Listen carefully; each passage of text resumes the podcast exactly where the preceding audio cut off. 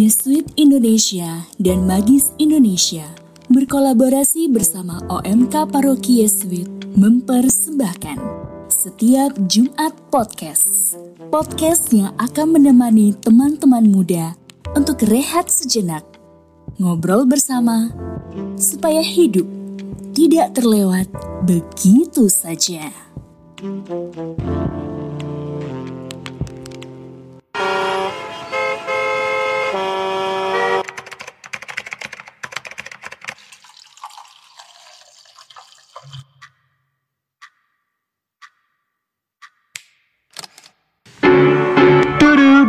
Setiap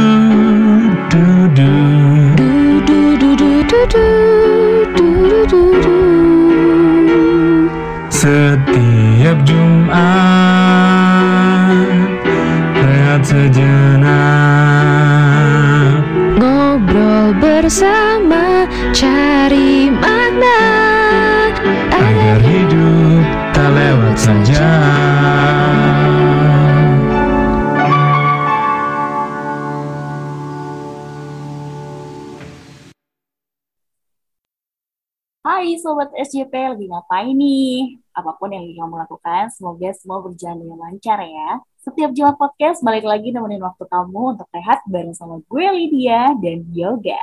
Hai, bareng lagi sama aku Yoga. Ayo kita rehat sejenak, ngobrol bersama, supaya hidup tidak terlewat begitu saja.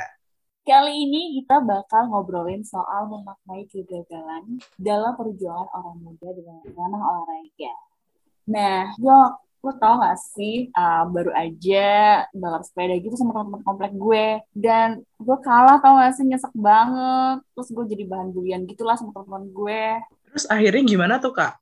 Ya udah, gue ngerasa nyesek banget deh. Terus gue ngerasa kayak, kenapa sih gue gagal lagi, gagal lagi gitu. Kan gue jadi dibully sama teman-teman gue. Enak banget kan? Nah, tenang aja kali dia. Pokoknya di episode kali ini, buat sobat SCP yang lagi nyesek banget, tepat banget nih untuk mampir di episode kali ini. Di edisi hari ini, kita akan ngajak narasumber yang spesialnya pakai telur nih, Kak. Kalau kemarin sih kita udah ngedengerin ada uh, anak-anak bangsa, salah satunya kayak Gracia Poli, yang udah mengharumkan nama Indonesia untuk mendapatkan medali emas. Tapi sekarang kita juga mendapatkan narasumber yang gak kalah kerennya sama kayak Gracia Poli itu, Kak. Jadi hari ini narasumbernya itu menyempatkan waktu untuk sharing pengalaman ke teman-teman muda Katolik dan para pendengar setiap Jumat Podcast yang tentunya akan memberi semangat bagi siapa pun. Mungkin buat kamu yang lagi capek karena ngerasa gagal, episode kali ini mungkin jadi sesuatu yang cocok buat kamu. So, it's setiap Jumat Podcast episode ke-8, put your ears on. So, kita gak mau nih bikin lo ngerasa kayak sendirian gitu berjuang ngadepin rasa capek lo, ngadepin kegagalan. Yaudah deh, langsung aja deh kalau gitu. Ini dia atlet kebanggaan kita, Jeremy. Hai, Ger. Hai, hai, halo. Halo, Halo, Dias dan Yoga. gimana kabarnya nih Kak? Oh, puji Tuhan, I'm really good. Kalian gimana? Baik Oh, kok. puji Tuhan. Puji Tuhan banget lah ya, luar biasa. Iya. By the way nih Kak, nah untung udah ada narasumbernya ke sini nih. Jadi mungkin kita ini dulu ya, Kak Jeremy untuk perkenalin diri dulu kali ya, kan lebih Oh, boleh, afdol boleh. biar langsung gitu. Iya, boleh, boleh. Oke, kenalan, ini kenalan nih? Iya, kenalan dong. Lanjut, lanjut, lanjut. Oke, oke. Oke, halo semuanya. Nama saya Gregory Ignasito Jeremy Pantau. Panggilannya Jeremy aja. Dia seperti masyarakat biasa, tapi emang jalannya di dunia atlet. Saya atlet judo. Puji Tuhan udah sampai internasional dan 24 tahun. Oke, 24 tahun. Nah, keren banget ya ternyata Kak. Kalian promosi Eh, umur. Mungkin bagi Betul. pendengar setiap Jumat podcast nih langsung, uh 24 tahun nih, Waduh, atlet waduh. lumayan, Waduh, masih single. masih single. Lumayan, kali dia, apakah Anda berminat tuh? Oh. Oh, enggak ya. kayaknya ya. Oke deh. Nah, kalau ngomongin soal prestasi atlet tuh pasti banyak banget ya yang dijalanin. Mungkin sejak kapan sih eh, bergelut dalam dunia atlet juga ini? Wah, ini menarik banget sih. Sebenarnya udah mulai dari ikut judo tuh udah dari SD lah ya, kelas 5 gitu. Dan ceritanya tuh juga agak excited sih. karena kayak orang tua aku tuh dua-duanya tuh judo gitu Oh. dan Oh. dulunya mereka legend judo gitu loh dua literally dua-duanya Couple yudo gitu ya? iya dan bahkan mereka nikah pun masuk masuk masuk ini mereka nikah pun tuh kayak masuk ke a- apa ke newspaper gitu kan Hmm. terus kayak sebenarnya mulai judo tuh sebenarnya dipaksa Oh gitu. Iya dipaksa. Bahkan dulu mulai latihan tuh sampai nangis-nangis karena emang sebenarnya sukanya tuh ke arah kayak art atau segala macam gitu. Hmm. Tapi Ya dari deh. sesuatu yang dipaksa ini malah jadi sesuatu yang membanggakan, ya nggak sih kak? Awalnya kayak dipaksa, akhirnya malah kakak ini bisa jadi lebih berkembang gitu di sini. Iya, Ternyata emang passionnya. Puji Tuhan. Jadi sebenarnya itu kayak tiga tahun pertama itu judo tuh kayak yang ogah-ogahan lah gitu. Terus kayak senior senior aku nih kalau lihat aku tuh aku tuh dulu tuh kayak yang di pinggir matras. Terus kayak yang kerjaannya ngambek terus nangis-nangis kalau latihan gitu. Sampai akhirnya kayak pernah ikut seleksi gitu buat kejuaraan nasional junior. And then kayak aku nggak pernah menang sama uh, atlet ini. Dan akhirnya kayak tiba-tiba Tuhan kayak giving a miracle. Terus dari situ tuh Hmm, aku ikut pertandingan segala macam dan emang jalannya di sana gitu. Oke. Dimulai dari SD ya kan? Iya, kelas Em, 5. Nah, kelas 5 SD. Itu Mm-mm. em, prestasinya selalu menang atau mungkin pernah ada mengalami kegagalan juga gitu. Wah, kalau misalkan masih SD sih ya, itu mungkin masih belum dianggap kali ya SD SMP karena kan masih kayak baru mulai terus kayak masih yang kayak baru like a baby lah di judo gitu loh. Terus kok pengalaman gagal tuh wah, luar biasa sih ada. Jadi ada deh, aku udah lumayan megang gelar di, di Indonesia.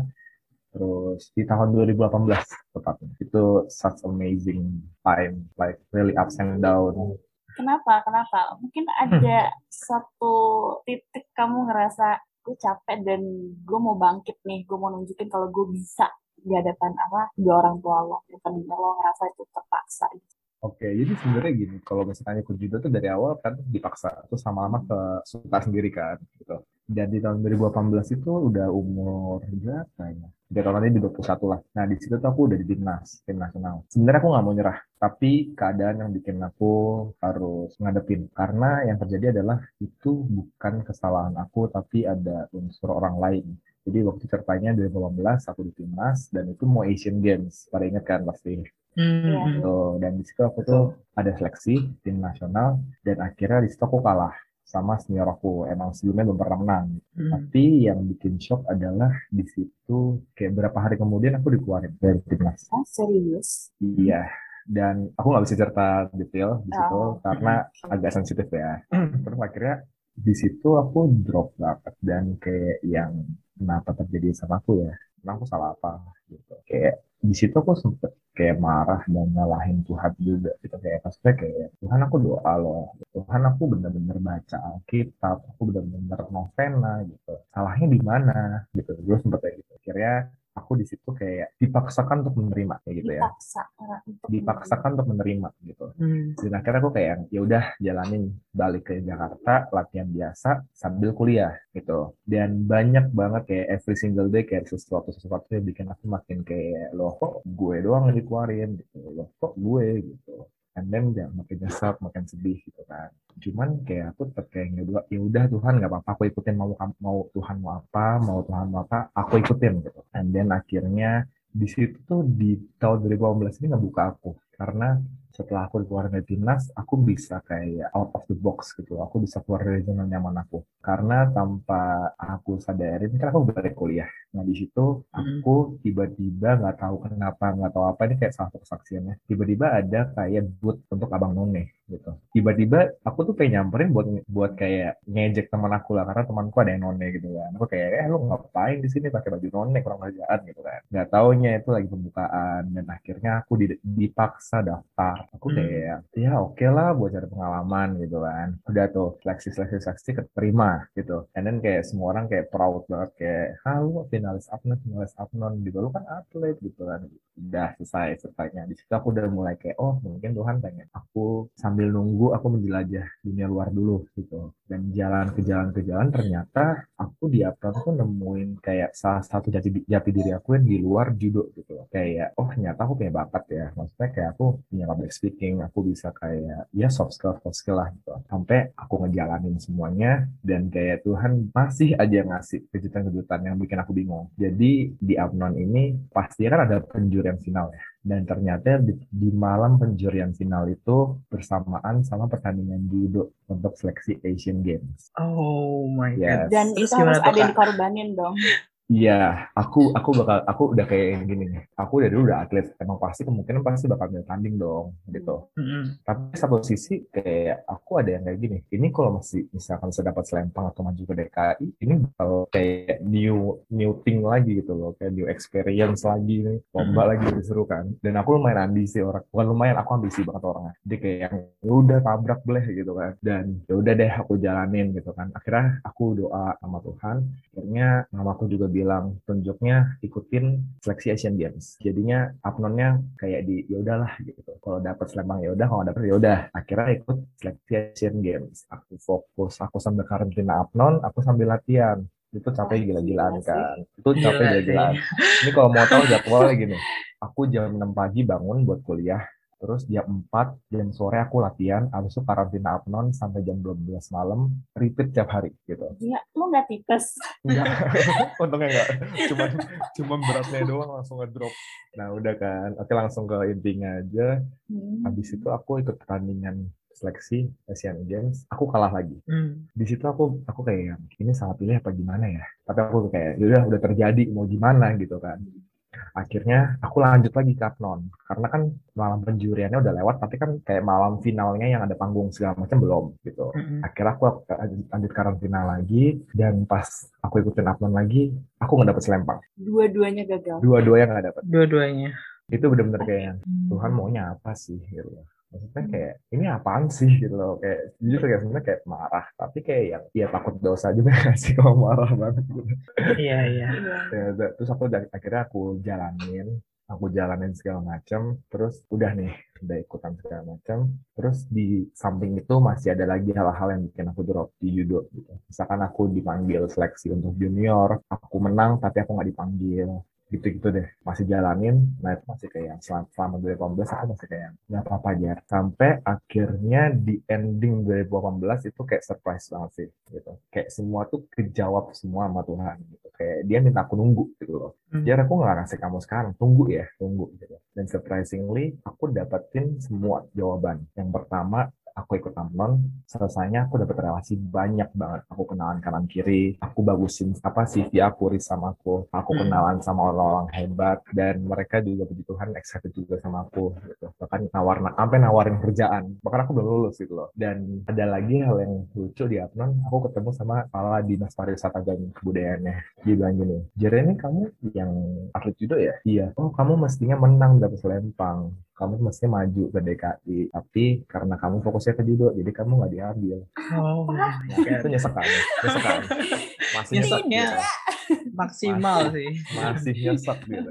Aku masih kayak yang, aku masih kayak "Ehm, apa nih apalagi tapi aku kayak "Ya udah sabar dapat koneksi segala macam it's okay it's good gitu loh tapi yang surprisingnya adalah Tuhan pengen ngasih tahu akhirnya di akhir 2018 aku kepanggil timnas buat SEA Games 2019 dan yang aku tangkap adalah kalau misalkan aku waktu itu nggak milih Apnon aku tuh eh sorry kalau misalkan waktu itu aku milih malam final Apnon dan aku nggak ikut tanding aku nggak bakal kepanggil sama tim gitu. Karena pelatih pelatihnya itu ngelihat kayak Jeremy kemarin mainnya bagus kok. Jeremy masih ada kok. Dia pengganti tahu sebenarnya pengganti senior dia harus panggil. Dan akhirnya aku ikutin uh, timnas Games walaupun up and down lagi dan puji Tuhan aku bisa meraih medali perunggu di SEA Games di di apa di nomor beregu gitu kayak gitu dan sampai sekarang koneksi aku di Apnon itu luar biasa sampai aku bisa dapat sahabat-sahabat baru Oke Gila. guys, buat kalian Keren banget. ikutan Apnon ya.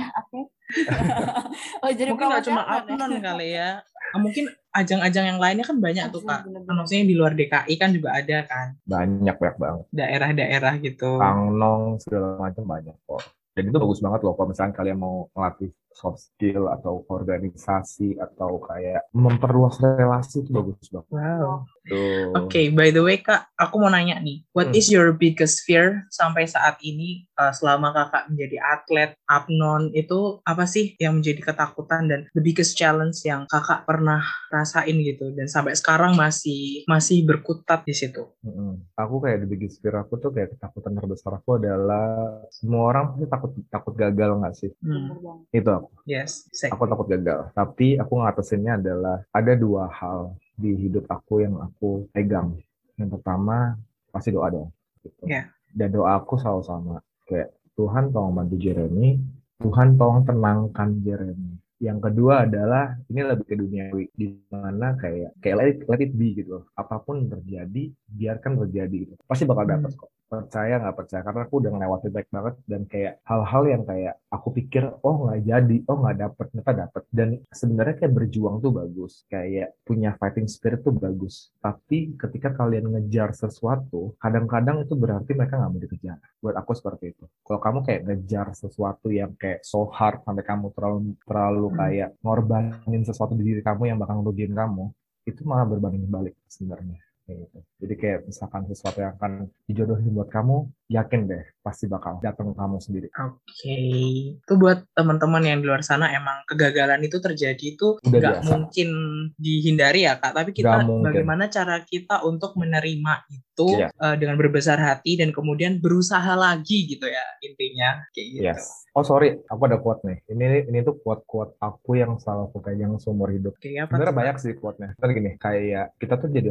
jadi manusia tuh harus jadi selalu positive thinking gitu. Kita harus jadi kayak positive person. Kadang-kadang jadi positive person tuh kayak kita bisa bantu orang lain juga dan kita bisa ngasih vibes ke orang lain gitu kan. Dan Hmm. sebenarnya the real positive person itu bukan orang yang kayak tiap hari ketawa, bukan orang yang tiap hari bisa happy-happy atau orang yang tiap hari ngebantu orang. Itu bukan the real positive person. Tapi the real positive person adalah orang yang kita tuh bener-bener tahu kalau di balik semua masalah, di balik semua kayak badai, itu tuh pasti bakal ada pelangi. Itu adalah the real positive person. Yes, itu namanya, namanya the real positive person. Dan itu selalu aku tanamin dalam diri aku. Oh, cukup ini ya menginspirasi ya Kak Lydia dengarnya tuh kita Banget yang banget. orang Gua sampai- awam tuh Heeh. sampai apa ya? Gak Kayak gue nyangka gitu. Iya, iya bener-bener.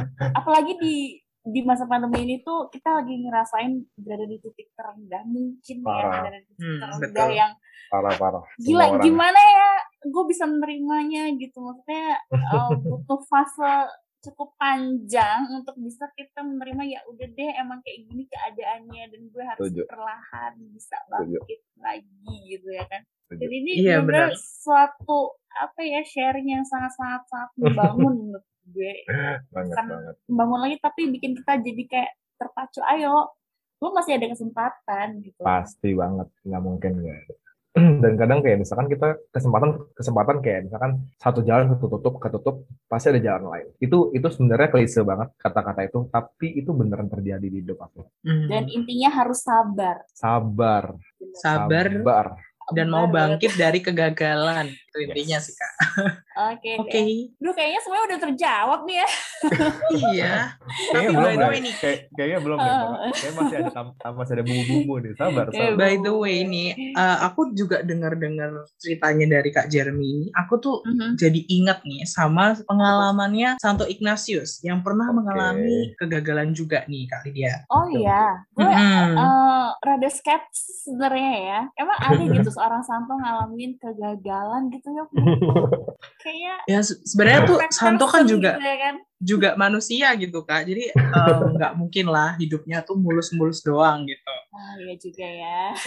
Iya, jadi tuh Kenapa? ini kenapa? mau denger ceritanya nggak? Aku spill nih, Oh, spill iya, the boleh, tea. boleh, boleh, boleh, boleh, boleh. Spill the Eh, tea. gue mau banget pasti buat pendengar podcast SJP juga pengen tahu lah. Kayak gimana sih ceritanya? Iya bener Hmm. banget. Jadi kan eh, karena aku nih mantan eh, alumni sekolah Yesuit ya, jadi kan otomatis sama cerita-cerita ini tuh eh, udah sering mendengar gitu. Jadi Right. ceritanya eh, Santo Ignatius tuh pernah gagal menggapai cita-citanya. Dia tuh tadinya pengen berziarah dan mengabdi kepada Tuhan di Yerusalem. Tapi di dalam perjalanan menuju ke sana itu ternyata uh, banyak banget halangan, rintangan yang membuat si Santo Ignatius ini uh, nggak bisa sampai ke tujuannya ke Yerusalem gitu. Akhirnya dia tuh berusaha untuk bersabar gitu ya. Berdoa juga kepada Tuhan untuk mencari jalan mana lagi yang harus dia tempuh gitu. Pada akhirnya si Santo Ignatius ini malah pergi ke Roma. Hmm. Jadi setelah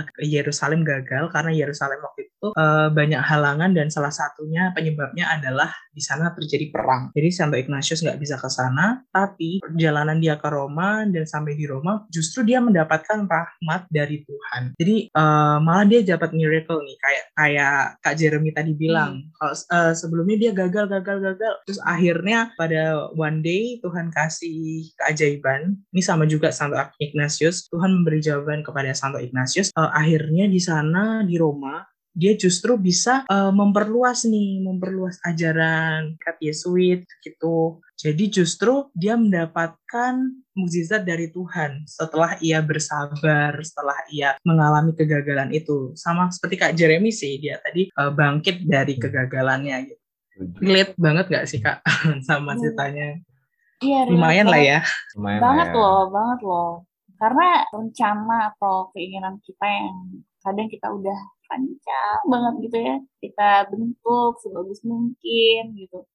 Kadang kalau Tuhan bilang enggak ya enggak. Kalau misalkan sejalan dengan apa yang Tuhan inginkan, hal itu pasti akan terjadi. Dan bahkan apa yang kita pikirkan tuh yang dipikirkan Tuhan tuh jauh lebih baik Setuju? Betul. Setuju banget. Setuju. Dan kadang tuh yang paling menarik itu di saat kita, misalkan Tuhan bilang enggak nih. Hmm. Berarti pasti, pasti kita kecewa dong. Dan di saat, saat kita kecewa dan saat kita kayak pengen yang oke okay, bangkit lagi itu tuh kayak kayak jadi pengalaman yang berharga banget gitu loh. Karena kayak hidup tuh kayak kita pembelajaran dari pengalaman gak sih? Gitu. Iya, betul itu penting banget. Dan kita kayak bisa di saat kita ngelewatin itu dan mungkin itu bisa jadi pembelajaran untuk orang lain. Dan jadi jadi gak ada salahnya buat kita tuh buat sharing kayak gimana kita ngelewatin hal-hal susah gitu. Dan aku kalau ditanya kayak dulu pernah nih di Apnon ditanya gini nih Q&A kalau kamu mau ngulangin uh, waktu kamu kalau kamu pengen ngulangin waktu dan ingin memperbaikinya itu kapan dan mengapa? Aku cuma jawab satu nggak mau aku nggak mau mengulangi waktu itu aku nggak mau memperbaiki waktu itu gitu. Jadi kan kita udah tahu nih sekarang nih kayak kemarin gue gagal gara-gara ini gitu. Tapi misalkan kita mengulang waktu dan kita memperbaiki kegagalan itu kadang-kadang hasil yang kita terima sekarang tuh pasti beda. Belum tentu kita menjadi pribadi yang lebih baik lagi kalau kita kayak ngulang waktu dan perbaiki itu. Karena aku percaya banget semua yang udah dilewatin itu yang ngebentuk seorang Jeremy Pantol yang sekarang. Luar biasa sekali saudara-saudara. Luar biasa. Jadi emang Kak Jeremy hmm. orangnya keep looking straight ahead gitu ya Kak. Pokoknya Wah. lihat ke depan terus. Terus loh. Dan masih kayak tidak menengok ke belakang. Harus minta bantuan doa juga. Oke, okay. by the way tadi kita kan juga udah mendengarkan nih yuk hmm. beberapa pengalaman-pengalaman dan kisah dari Kak Jeremy. Hmm. Jadi alangkah lebih baiknya kita uh, melihat kembali gitu ya. Apa sih yang selama ini menjadi ketakutan kita dan apa yang menyebabkan kita menjadi gagal pada saat itu. Mungkin ada dua pilihan yang bisa kita pilih antara melihat ke belakang atau memperbaiki hidup kita untuk ke depan buat para pendengar, jalan mana sih yang akan kamu pilih untuk memperbaiki hidupmu atau terus melihat kesalahan yang sebelumnya sudah pernah kamu lakukan?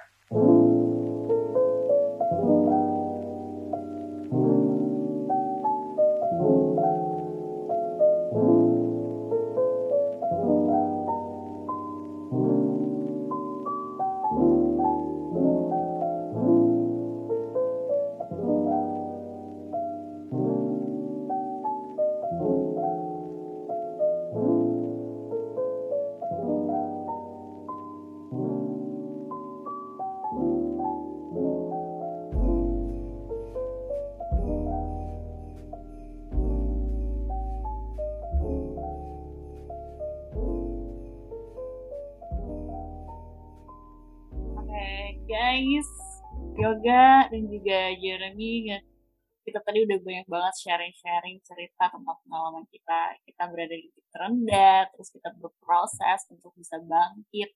Dan akhirnya kita bisa menunjukkan kepada dunia bahwa kita mampu untuk menjadi yang terbaik atas nama Tuhan juga tentunya nggak lepas dari Tuhan. Nah, akhirnya kita nggak kerasa udah di penghujung acara ini. Terima kasih buat para sahabat setiap Jumat Podcast. Thank you buat Jeremy. Iya nih, Kak Jeremy udah eh, menyempatkan waktunya. Makasih banget ya, Kak. Yang katanya tuh besok mau ini ya pertandingan nextnya PON ya. Kalau bisa Iya, dikasih tahu kapan sih, Kak? doa ya semuanya. Iya. Biasanya eh, akhir September, tapi aku lupa tanggal berapa. Saking sibuk eh, fokus latihan ya, jadi sampai lupa Iya. tanggal. Lupa lupa tanggal berapa. Mohon doanya semuanya ya. Semoga dikasih yang terbaik. Siap. Siap.